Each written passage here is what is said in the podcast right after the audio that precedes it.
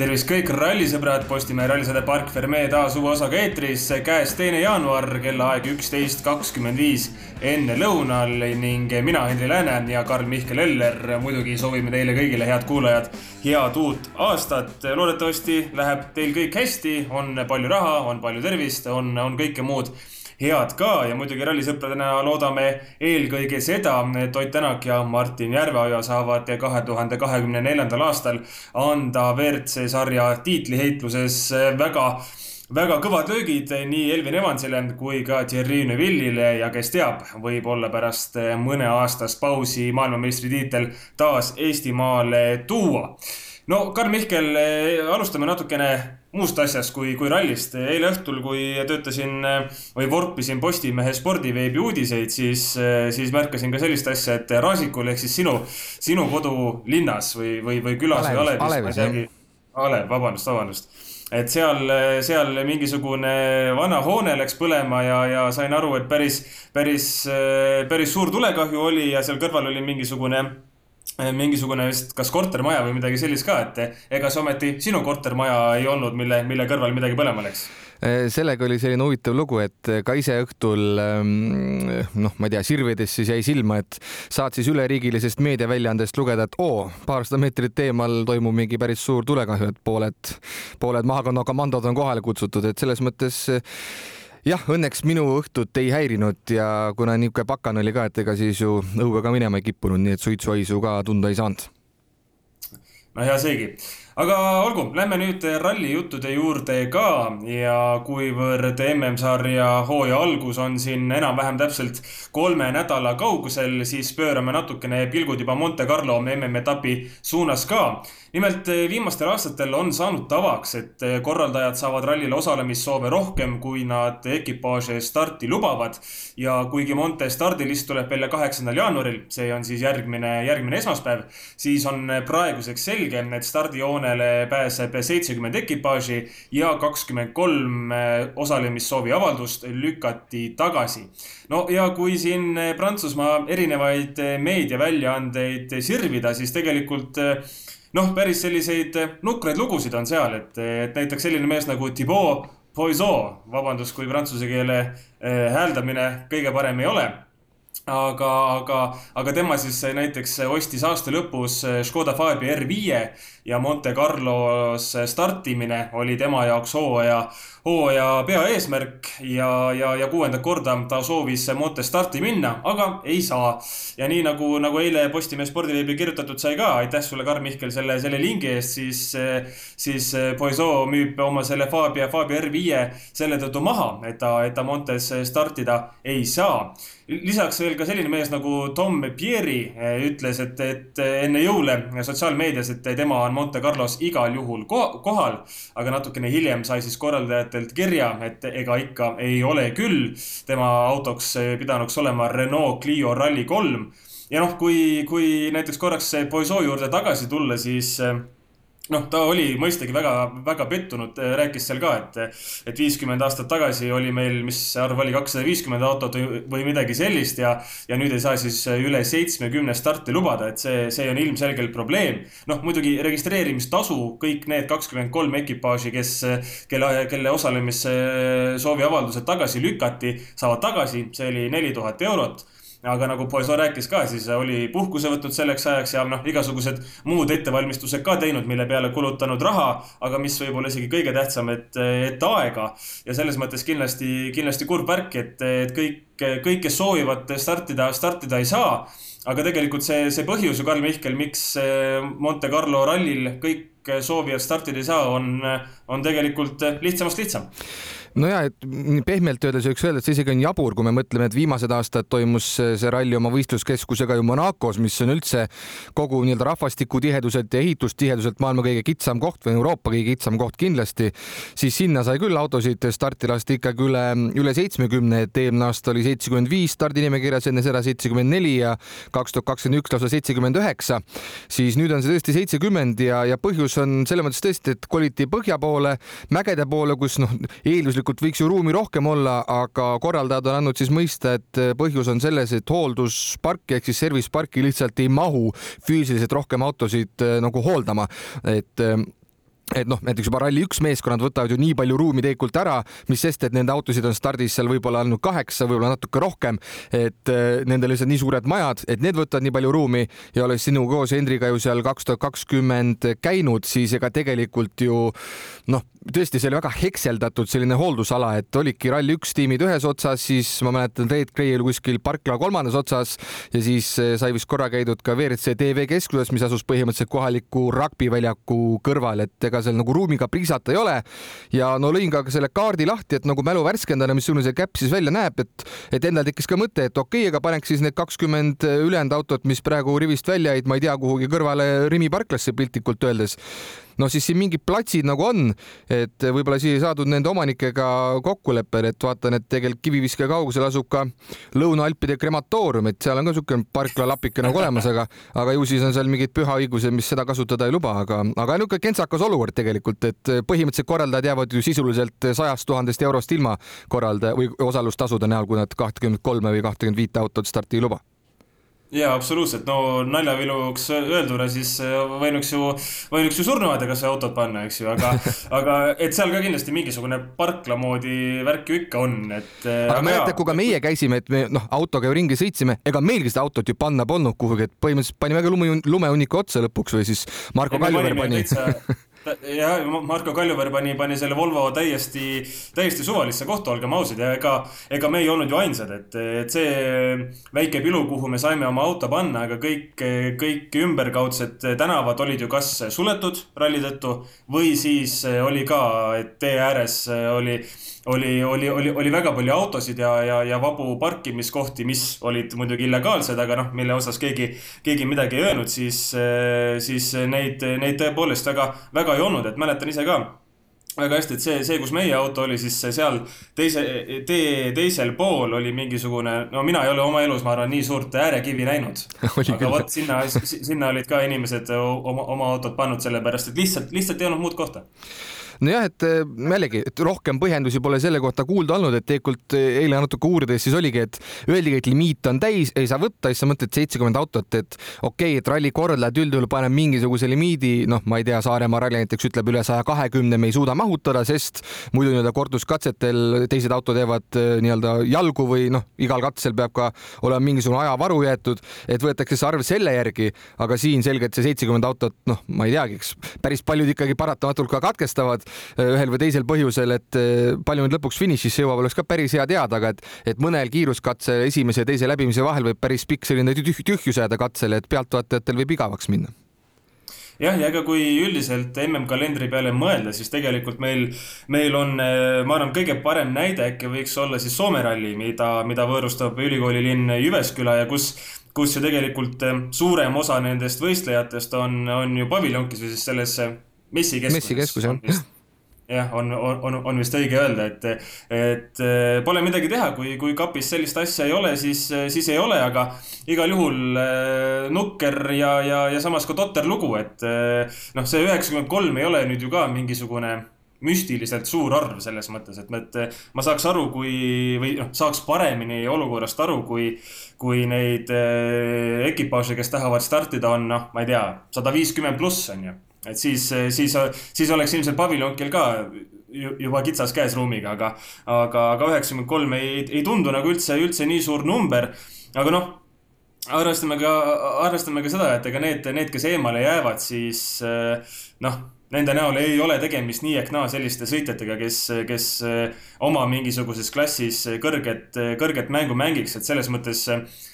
sportlikust äh, vaatevinklist ei ole, ei, ei, ole selles nagu midagi, midagi hullu. ja, ja no see seitsekümmend ju just, kui ma siin enne see ette loetud ka, et ei ole selles mõttes ju drastiline kukkumine, et ei tuldud üheksakümne auto pealt seitsmekümne peale, vaid et eelmistel aastatel on ka olnud, et see noh, isegi see kaks tuhat kakskümmend, kui meie koha peal käisime koos, Käpis oli siis see hoolduspark, siis oli lausa kaheksakümmend kaheksa, noh, ma ei usu, et sinna parkinud rohkem auto, mingeid maju on ehitatud, et selle võrra ruumi vähemaks on jäänud. samas mine võta kinni ja sealt edasi siis on langenud seitsekümmend üheksa osalejat, seitsekümmend neli, eelmine eelmine aasta siis seitsekümmend viis, et noh, nüüd on ta viie võrra vähem, aga noh, eks see seitsekümmend on selles mõttes jällegi selline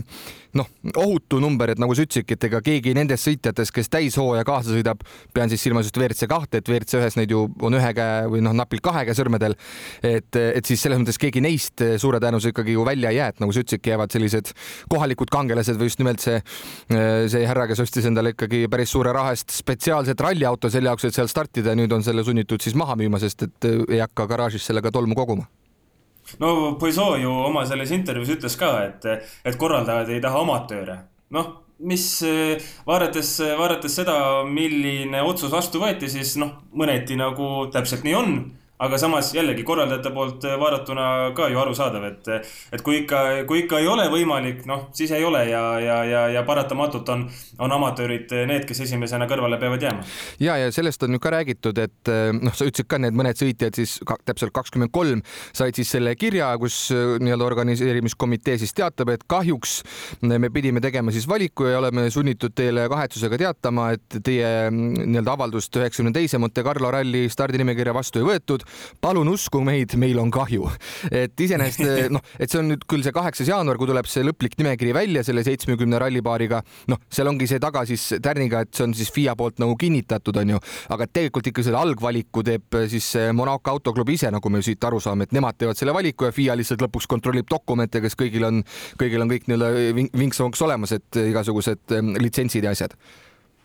no just ja, ja eks, eks tõsi on ju ka see, et, et okei okay,, suurest rahast jäädakse, jäädakse ka ilma. no selle aga... vürst Albert toob kinni, selles mõttes pole hullu ilmselt, selle vahe. no täpselt, no täpselt, et, et, et Monte Carlo või noh, see Monaco autoklubi on selles mõttes priviligeeritud olukorras, et kakskümmend kolm korda neli, kiire matemaatika ütleb üheksakümmend kaks tuhat. no ütle jämedalt sada tuhat, noh jah, et see, see ilmselt Albert, ma arvan, äkki hommikusöögi peale kulutab umbes sellise summa jah, või helikopterilendude peale sellel nädalavahetusel seal, kui ralli on. no täpselt, täpselt. aga olgu, lähme, lähme edasi. Rootsi ralli pikendas autoralli MM-sarjaga lepingut ja nemad on kindlasti kalendris kuni kahe tuhande kahekümne seitsmenda aastani, see siis kaasa arvatud. ehk rallisõprade unistus lumerallis näiteks Kanadas või mujal Põhja-Ameerikas näiteks muutub, muutub siin lähi, lähiajal küll selliseks helesiniseks unistuseks aga olgem ausad, Rootsi on tegelikult ju tõesti hea ralli, kus korraldus on tipp-topp, fännidega ei ole ju ka, ei mäleta vähemalt, et oleks mingisuguseid suuremaid probleeme olnud. katsed on kihvtid, see, et ralli viidi rohkem põhja poole, see ei toonud ju endaga kaasa mingisuguseid, ma ei tea, korralduslikke probleeme või, või, või et ralli ise kuidagi oli siis oma katsete poolest kuidagi vähem äh, vaatemängulisem, et, et selles mõttes äh, ma arvan, WRC ja promootori poolt äh, hea lüke ja kindlasti, eks selle põhja poole kolimisega nüüd noh, et kuna seal allpool Karstadist natuke põhja pool oli ikkagi no põhjus oli see, et olid liiga soojad talved ja noh, nagu me praegu teame, siis siin akna taga on miinus kaheksateist Tallinnas on ju, mõned õhtud ja päevad tulevad siin eh, lähitulevikus natuke isegi veel jahedamad. et eh, samas, eks see põhja poole minek on ka risk selles mõttes, et kui on ikka väga-väga külm ehk miinus, ma ei tea, alla kolmekümne, et siis jällegi läheb teistmoodi keeruliseks, aga noh, elame selle hetkeni kõigepealt veebruaris ja vaatame, mis siis saab. aga eks see, see unistus, et oleks võinud Põhja-Ameerikas toimuda mõni lumine või jäine võistlus, et noh noh, eks selle, sellest ju räägiti ikkagi sellises hüpoteetilises noh, fännide poolt pigem toodi ju see välja minu meelest, et ega korraldaja ise pole sellest ju rääkinud ja, ja selge, et kusagil Kanadas või Põhja-Ameerika või nii-öelda Põhja-USA-s seda korraldada.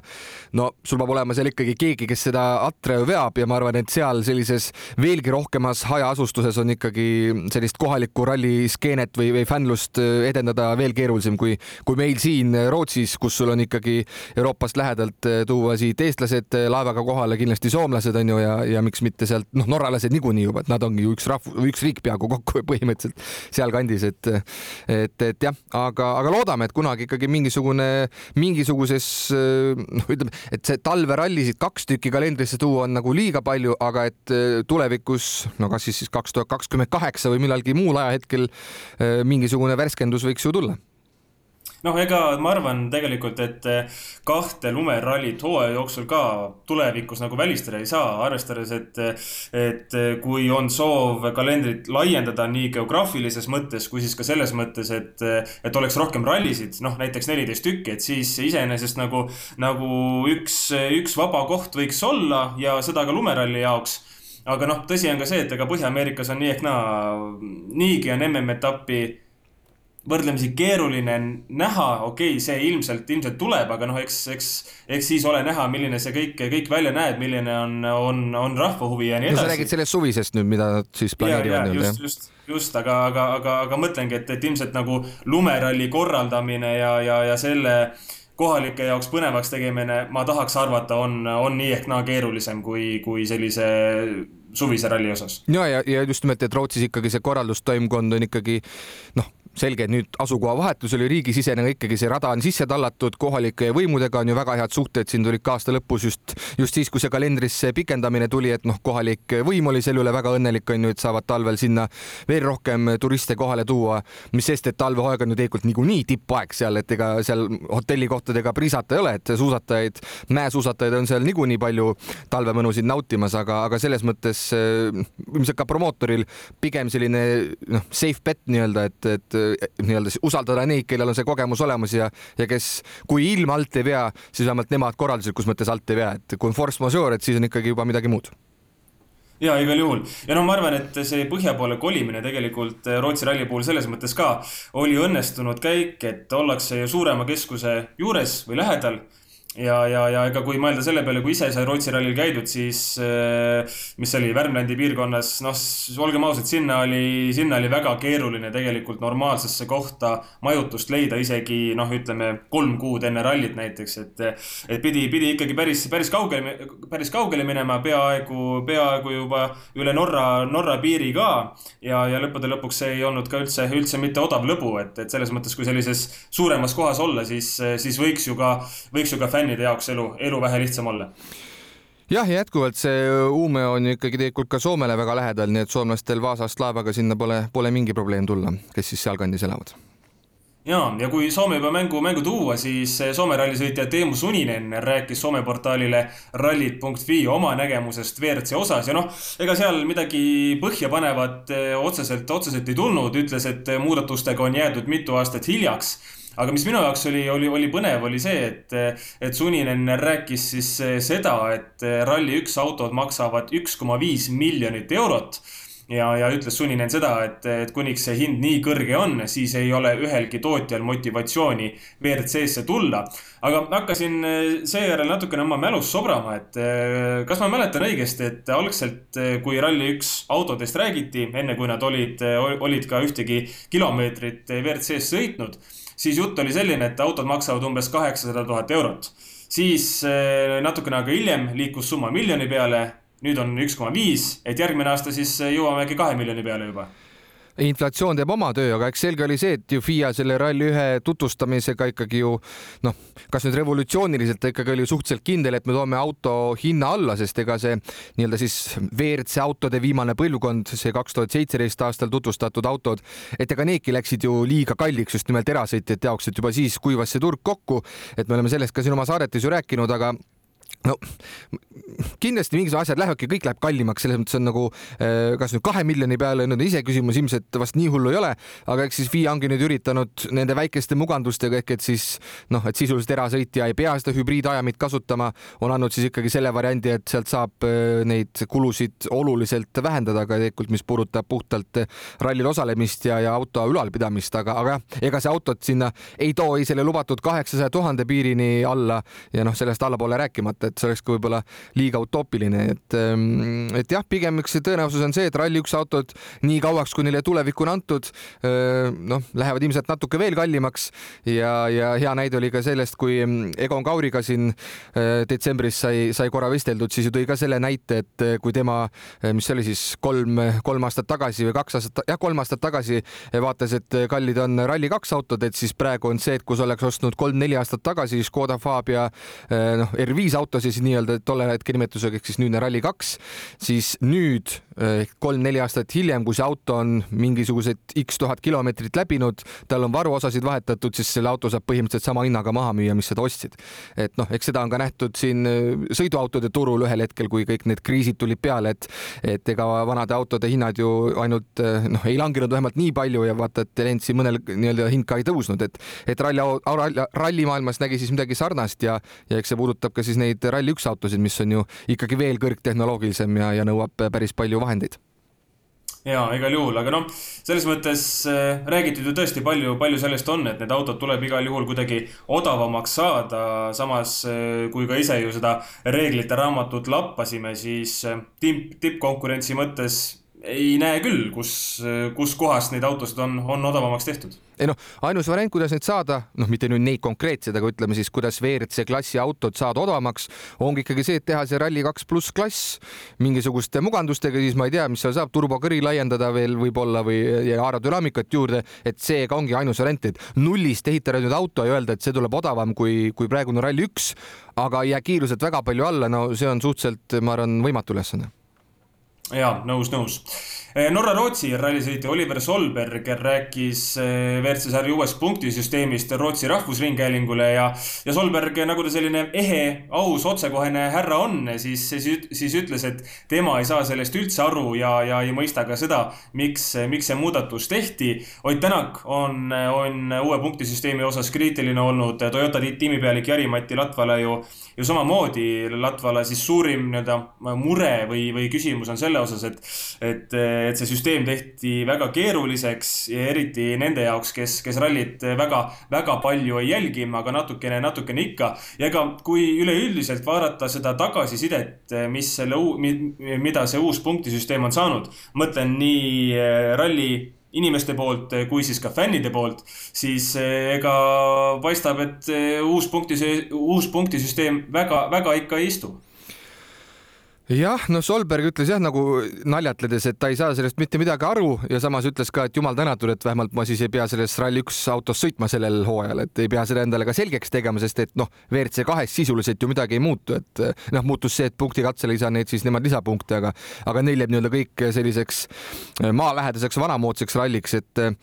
et jah, no ma ütlen näiteks me kahekümne kolme päeva pärast või noh, kahekümne kolme päeva pärast algab Monte Carlo ralli, aga et siis kahekümne viie, kuue päeva pärast näeme, et kui neid esimesi punkte hakatakse arvutama, et, et ma ei teagi, laupäeva õhtu järel näidatakse meile ühte punktitabelit, siis pühapäeval mm, ütleme tol hetkel rallil kolmandat koht hoidnud mees näiteks katkestab ja siis tuleb temal neid punkte maha arvata ja siis keegi jälle tõuseb koha võrra või kohtade võrra ülespoole, et eks ta selline paras janss saab olema, aga, aga mina ütleksin ikkagi jään noh, et ma olen kuulnud ka hästi palju seda tagasisidet, et, et mis nüüd tehti, WRC rikuti igaveseks ära põhimõtteliselt, aga, aga mingis mõttes ma arvan, et põnevust tuleb ju selgelt ikkagi rohkem, olgugi et see võib olla siis mingisugusel teisel tasemel ja, eks on ju ka öeldud, et no nüüd on siin see, et kui kellelgi reedel läheb asi võssa, et siis ta võtab jälle laupäeva rahulikult, hoiab rehvi ja läheb siis pühapäev vajutama, sest ta teab, et tal on ikkagi päris korralikult punkte võimalik saada, onju. noh, tõsi, aga, aga mingis mõttes eh, eelduslikult see peakski asja ikkagi muutma ju veel põnevamaks, et, et ma ikkagi ütlen, et viimasel noh, lõppenud hooajal kindlasti ehk siis kaks tuhat kakskümmend kolm ja no kaks tuhat kakskümmend kaks polnud ka ikkagi ju midagi väga põnevat, see oli, see oli igavamgi tegelikult ju võidu peale minnes, üldvõidu peale, üldvõidust rääkides, et, et äkki see, äkki see ikkagi tooks mingisugust elu sisse, aga jah, eks see on selle, selline olukord muidugi, et, et kui näppu lõikad ja läheb liiga keeruliseks, siis, siis ei saa seda uut fänni juurde, keda sa sellega otsid ja vana olija vaatab ka, et mis, mis asi see nüüd on, et see ei ole ju see, mida ma, mida ma nii-öelda üheksakümnendatel või nullindate alguses armastama ja vaatama hakkasin. noh, eks äh, muidugi eriti, mis puudutas seda pühapäevast osa, siis äh, muudatusi ju, ju, ju, ju ootasime nii ehk naa, et, et selles mõttes ma arvan, okei okay,, jah, see uus süsteem, uus punktisüsteem on, on saanud omajagu kriitikat. samas see muutus on, on igal juhul ka parem kui, kui mitte midagi ja parem kindlasti kui siis ka see, et, et anname punktikatseks lihtsalt uue jooksurehve ja, ja, ja anname minna ja seda kindlasti ja noh, jällegi, et võib-olla oleks võinud siis teha pühapäeval selle, et ma ei tea, et, et iga katse võidu eest tuleb see üks punkt, sest et noh, tõsine on see, et pühapäevased päevad jäävad ikka selliseks, nagu nad on, et seal on maksimaalselt neli katset, mõnel rallil kolm. et selles perspektiivis on tõesti nagu noh, kolme katse eest võid saada noh, ikkagi väga palju punkte, et mitte küll päris poole ralli punkte, aga põhimõtteliselt kui punktikatse võidad ja oled pühapäeva kolme või nelja katse parim, siis sa saad sisuliselt ju need punktid, mis olid vist ekvivalentsed kogu ralli kolmanda kohaga või midagi sellist isegi võib-olla teise kohaga, et et selles mõttes noh, eks ta saab selline uus ralli olema paratamatult või uus, uus uued meistrivõistlused, kui, kui nii väita.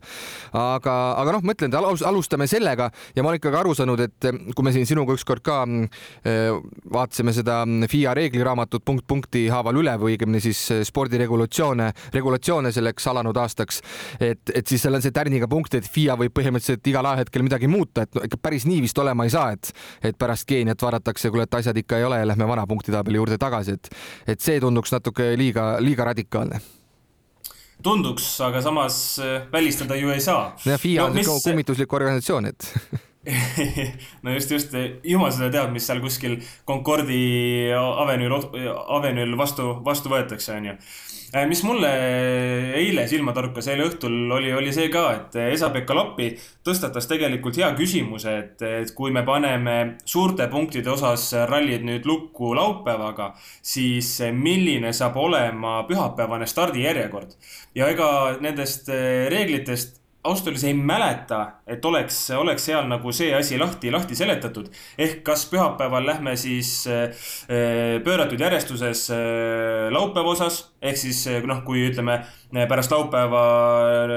ralli, ralli võidab, ütleme Ott Tänak, et tema siis pühapäeval stardib ralli üks autorist viimasena. või lähme laupäevase järjestuse alusel ehk kui Tänak võidab, siis läheb tema ka pühapäeval esimesena, esimesena starti. aga olgem ausad, vahet ei ole, milline see lõplik lahendus on, siis see on kuratlikult oluline ja kuratlikult oluline on, on, on see asi teada saada.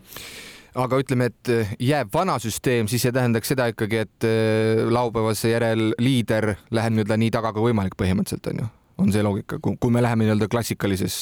süsteemis? Ja,. jah, jah, jah, aga, aga noh, kuivõrd eh, ralli nagu mõnes mõttes ju laupäevaga lõpeb, et siis, siis ei, ei julge küll nagu kivisse raiuda, et või, või pead pakule pa, panna, et, et niimoodi ka tehakse. aga, aga see on, olgem ausad, see on ikkagist, see on ikkagist oluline, et eriti kui me räägime, räägime rallides, kus ehm, see tee puhastamise efekt on, on päris suur, et võtame kasvõi selle Rootsi näiteks, et kui, kui peaks tulema väga palju värsket lund, siis paratamatult ju pühapäeval esimesena rajale minna on, ei, ei ole hea ja samamoodi ka erinevatel ju kruusarallidel, mis meil on siin, Sardiiniad, Portugalid, eks ju, kus, kus ka see, see tee puhastamise efekt esimesena rajale minnes on, on väga suur, et, et siis äh, oleks see, oleks see halb, aga noh, samas siin on jälle nagu selline kahe poolega münt, et, et ühest küljest okei okay,, teeme niimoodi, et äh, parimad lähevad esimesena või noh, laupäevase paremusjärjestuse paremad lähevad esimesena äh, aga teisalt, äh, kui nad olid, kui nad on nagu selle nii-öelda justkui õiguse välja teeninud välja sõitnud, et, et nad võiksid mingisuguse eelise pühapäevaks saada, siis jällegi peaks ju tegema niimoodi, et nemad lähevad, lähevad riburada pidi lõpus no põhimõtteliselt eh, ma ütleksin, et see selgub siis kahekümne seitsmenda jaanuari õhtul, kui on Monte Carlo ralli laupäeva õhtul, et mis siis pühapäeval saama hakkab, aga, aga mingis mõttes jällegi see oleks ju liiga tegemine, ütleme niimoodi, et, et, et noh, nagu sa tõid näite, Ott Tänak näiteks laupäeva järel juhib rallit, eh, siis ta mm, ütleme, et siis jah, pööratakse siis ringi, et ta saaks startida tagantpoolt või vastupidi, jäetakse nii, et ta jääb ettepoole ehk siis nii-öelda kannataja rolli mingis mõttes, et nagu hakkaks reedel uuesti ralli pihta ja siis sul juhtub midagi pühapäeval, katkestad ja sa ei saa ühtegi punkti, et siis nagu tehtaks nagu veel rohkem liiga, et mingis mõttes, kui sa sealt tagantpoolt tuled, no see tõenäosus on ikkagi ju väiksem, kui me võtame just Monte Carlo näite või ükskõik millise kruusaralli näite samamoodi, et sul teoorias on nüüd tagantpoolt noh, turvalisem tulla noh, nii-öelda kui me võtame noh, täiesti noh, eks mingid variatsioonid muidugi, aga põhimõtteliselt. enamikel, enamikel rallidel on kindlasti niimoodi jah. et noh, see oleks ju liiga tegemine, et mees laupäeval võidab, siis pannakse uuesti pühapäeval etteotsa ja siis ma ei tea, mis iganes, on ju ennegi seal mingeid nurkasid, kivisid, kellele järjest, no Monte Carlo oligi meil ju, oligi eelmine aasta, kus kellelgi läksid Toyota meestel kaks rehvi või, või oli see üle-eelmine aasta mingi, mingi sirge peal mingi, mingi nali oli kuskil. et noh, et kui midagi säärast juhtub, siis on ju see võitja karistamine veel topelt, et reedel sa niikuinii stardid esimesena, et noh, ma ei tea aga teisalt, kui tahta asja põnevamaks teha, siis eh, laupäevaste paremate esimesena rajale saatmine pühapäeval võiks ju nii-öelda seda punktiseisu ju natukene, natukene tihedamaks teha jah, ei seda kindlasti, et jällegi tule, tulen siis oma algse mõtte juurde, et kui läheb tihedamaks ja põnevamaks, siis mina ei oleks sellele vastu, et pigem proovime, vaatame, mis saab, aga eks siis on see, et noh, kui nüüd midagi siis drastiliselt selles, ma ei tea, vaatemängus muutub, noh, et kas see siis kinnistub või, või pigem nagu juhtubki see, et, et hakatakse näpuga näitama ja, ja näeme hoopis seal Twitteris neid, neid säutsusid, et mis te nüüd tegite, et see põnevus, mis enne oli, on nüüd ka ära kadunud, onju. Aga ma ei tea, ma pole jälle Monte Carlo puhul vaadanud, et et seal on tavaliselt ju see, et kui laupäeval katkestad, siis sul pühapäeval superrallit ju ei ole. Mingi aeg olid, see vist on jätkuvalt kehtiv, ma arvan, eriti nüüd, kui nad käpist ju kolivad pühapäevaks ikkagi oma remote service'ega Monacosse. Kui ma ei eksi, siis see oligi ju sellepärast, et äh, vist, et see Monaco ei, ei saa kõiki vastu võtta või midagi sellist. või on see seotud sellega, et äh, noh, mingi osa tiimist liigub, see service park pakitakse kokku, et auto sõltub palju kannatada saab, et kas ja millal seda, no seda pead tegema ikkagi service pargi tingimustes, mitte suvalise selle Pierre'i garaažis kuskil seal nurga peal, et et, et see on ilmselt jah, sellest tingitud, noh, jällegi, kui me siin neid äh, saate esimeses osas neid startijate numbreid kokku lugesime, et siis kui oli service baas Monacos, siis need numbrid olid suuremad kui Käpis, nii et noh, mingis mõttes tundub, et Monacos on nagu rohkem ruumi, onju aga no mine võta kinni, mis siis, mis siis sellest saab, et äh, selge on muidugi see, et nüüd, kui ralli põhi service park on Käpis, siis Monacosse see remote service nii-öelda või siis hommikune rehvivahetus, noh, see ei võta nii palju füüsiliselt ruumi ära, et ei tule sinna need suured ralli üks auto või nii-öelda WRC meeskondade majad sinna ju ei koli, et et selles mõttes ruumi kulub vähem, aga, aga noh, jällegi, et siis, äh, siis seal nii-öelda jah, ei kehti see, et mul läheb laupäeval metsa, hakkan uuesti tulema, et siis, siis sa lahkud tühjade kätega, aga noh, see on jah, selline Monte Carlo ralli äh, valu olnud siin kogu aeg ja Ott Tänak on saanud küll teistel põhjustel, aga oma nende äh, rehvi, rehvi purunemiste tõttu seda ju korduvalt saanud äh, seda mõru maiku matsta, et tuleb siis mitte üldse finišisse jõudagi rallil aga nüüd, head kuulajad, jõuame saate, saate viimase, viimase teema juurde ja pange oma ajurakukesed ka, ka valmis. Äh, siluge vuntsi, kammige pea, pea või juuksed korda, sellepärast et natukene mängime siin lõpuks mälumängu ka. aga enne räägime, räägime uudisest endast, nimelt siis Prantsusmaalt äh, Citroen teatas, et klientideni on tarnitud sada viiskümmend Citroen C3 R5 ja Rally2 autot. esimene Citroeni R5 auto toodeti kahe tuhande kaheksateistkümnenda aasta aprillis ja pressiteates öeldi, et kahe tuhande kahekümne kolmandal aastal tehti autole igasuguseid arendusi, mis tegid autot väga palju paremaks, eeskätt asfaldil, aga märgatavalt kiiremaks ka kruusal. no mõtlesin, et vaatan siis natukene üle ka, et kui populaarne see Citroeni R5 või Rally2 auto võrreldes konkurentidega on ja tegelikult noh, numbrid on, on päris huvitavad, ma isegi ütleks, et, et, et kui neid arve vaadata, siis üleliia populaarne see Citroeni toodang ikkagi ei ole Eh, näiteks eh, võtame, võtame alustuseks ette M-spordi Ford Fiestat, eh, ralli kahtesid, olla siis EWRC andmeil sada kakskümmend üheksa tükki, R5 autosid kakssada üheksakümmend neli suisa. Hyundai i20N Rally2 autosid on seitsekümmend seitse, R5 masinaid sada kuusteist, nii et ka koguarvuliselt ju rohkem kui, kui Citroeni omi siis eh, uut Škodat ehk siis eh, Fabia RS Rally kahte on seitsekümmend kuus, aga noh, see on selles mõttes eh, tegelikult ju ka suurt pilti vaadates ikkagi endiselt uus auto, ehk siis see, et nõnda kiiresti on, on nõnda palju neid suudetud teele ajada, on, on päris märkimisväärne. eelmise põlvkonna Fabiat on, mis see oli siis, Fabia Rally2 Evo kui ma ei, kui mälu mind ei peta. seda siis olla kakssada viiskümmend tükki ja Fabia R5 suisa nelisada üheksateist. ja mis minu jaoks oli, oli päris huvitav, et Volkswagen Polosid, mis või Polo siis tegi esimese stardi aastal kaks tuhat kaheksateist Kataloonias ehk siis ja arvestades, et Volkswagen ju selle mm, Polo programmi lõpetas, ma ei tea, kas see oli kaks tuhat kakskümmend äkki või midagi sellist, igatahes väga kaua see, see ei kestnud, noh, mingisugused nii-öelda varuosa tugi on olemas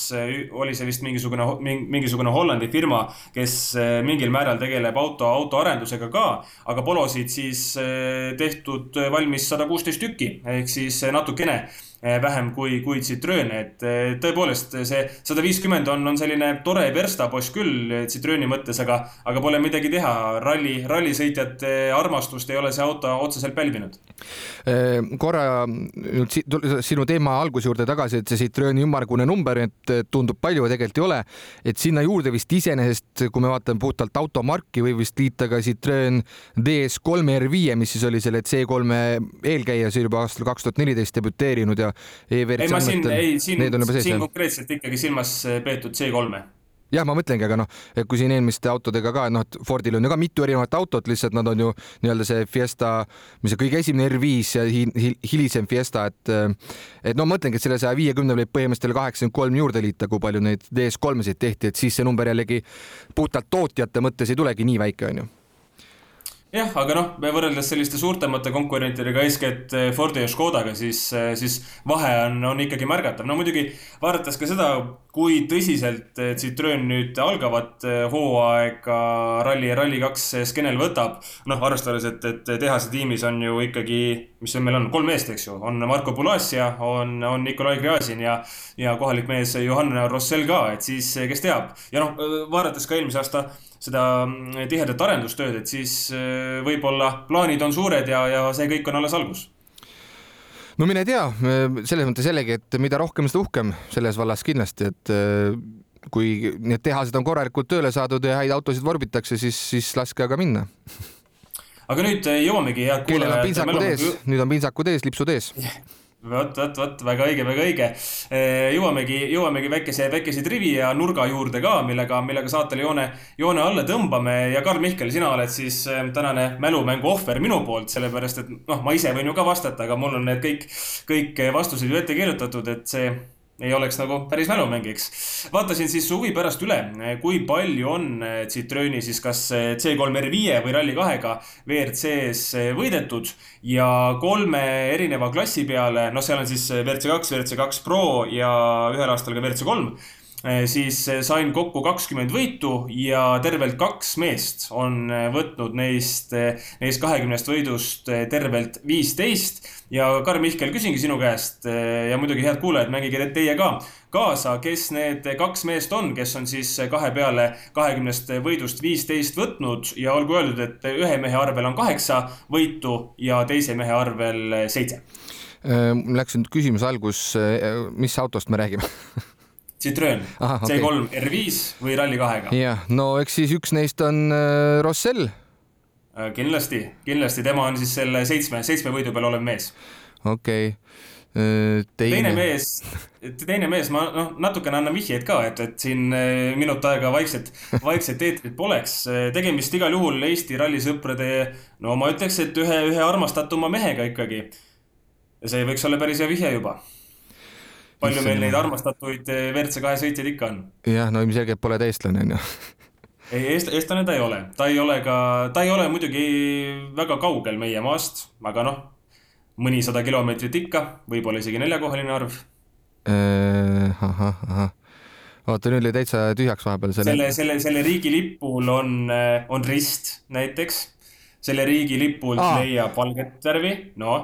oota, riigi lipult leiab valget värvi? Ma oleks hakanud pakkuma, ma oleks hakanud pakkuma Oliver Solbergi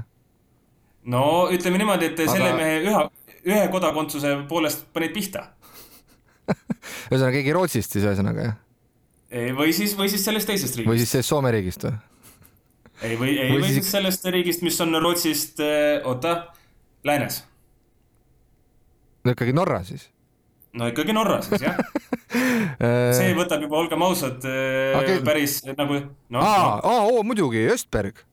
no just, no muidugi. mul oli täiesti tühjaks jäi vahepeal ja Östberg muidugi jah just, Mats Ösberg siis kaheksa, kaheksa võidumees on ja, ja kui vaadata neid ülejäänud mehi, kes, kes Citrooniga WRC sarjas oma klassi, oma klassis ühe ralli või vähemalt ühe ralli võitnud on, siis Erika Millil on, on kaks triumfi, Johan Bonatol, Stefan Lefevril ja Marko Polassial üks aga üks, üks küsimus veel, Karl Mihkel, nii et ära, ära veel pintsakud seljast, seljast ära võta. Nimelt lähme natukene siis ka, ka ERC sarja ehk siis Euroopa meistrivõistluste manu. Ja, ja küsin, et kes on seal Citrooni C3 eh, R5 või R-Rally2-ga kõige rohkem võitnud. olgu öeldud, et see arv on viis ja see sõitja, noh, kui sai öeldud, et Ösberg on Eesti rallisõprade eh, suur, suur lemmik, siis ega tegelikult selle, selle mehe kohta tuleb sedasama öelda. tema riigilipu kohta tuleb ka tegelikult seda, sedasama öelda, et need värvid on, on ka eh, valge, sinine, punane. ta on kiire mees pahatihti oli ta isegi liiga kiire mees, sellepärast et katkestamisi ja, ja igasuguseid pead pööritavaid avariisid on, on selle mehe karjääris olnud, olnud rohkem kui rubla eest. kas võib vastata ka või? no ikka võib kas see on siis äh, Aleksei kosmonaut Lukenuk või? no täpselt nii, täpselt nii on vot, nii et äh, olgu, sellega tõmbame selle nädala saatele joone alla ka. mul on nii piinlik, et ma Ösbergi ei suutnud üldse, lihtsalt ta tuli isegi, no, ta tuli isegi WRC kahe maailmameistriks tuli siit trööniga, nii et, nii et no ma ei tea. isegi tuli jah. täiesti, täiesti, noh, ma ei tea andke andeks no,. ei ole hullu, ei ole hullu. vaatame, äkki, äkki järgmise nädala saates eh, ka saab mingisuguse mälumängu nurga, nurga välja, välja mõelda ja siis, Karl Mihkel, saad, saad uuesti proovida, aga, aga täna ikkagi ju kolmes kolm. ja no, ma ei pidanud selles mõttes ju, okei okay,, ma andsin, ma andsin küll vihjeid, aga, aga ma ei pidanud andma ju ühtegi nüüd sellist vihjet, et eesnimi Mats ja, ja perenimi algab ööga. et nii mul seis ikkagi on. see oleks päris hea. Mats Ööbik no., vale vastus ai, see on vale vastus ja, ja, ja. vot, aga olgu, aitäh kuulamast ja kohtume uuel nädalal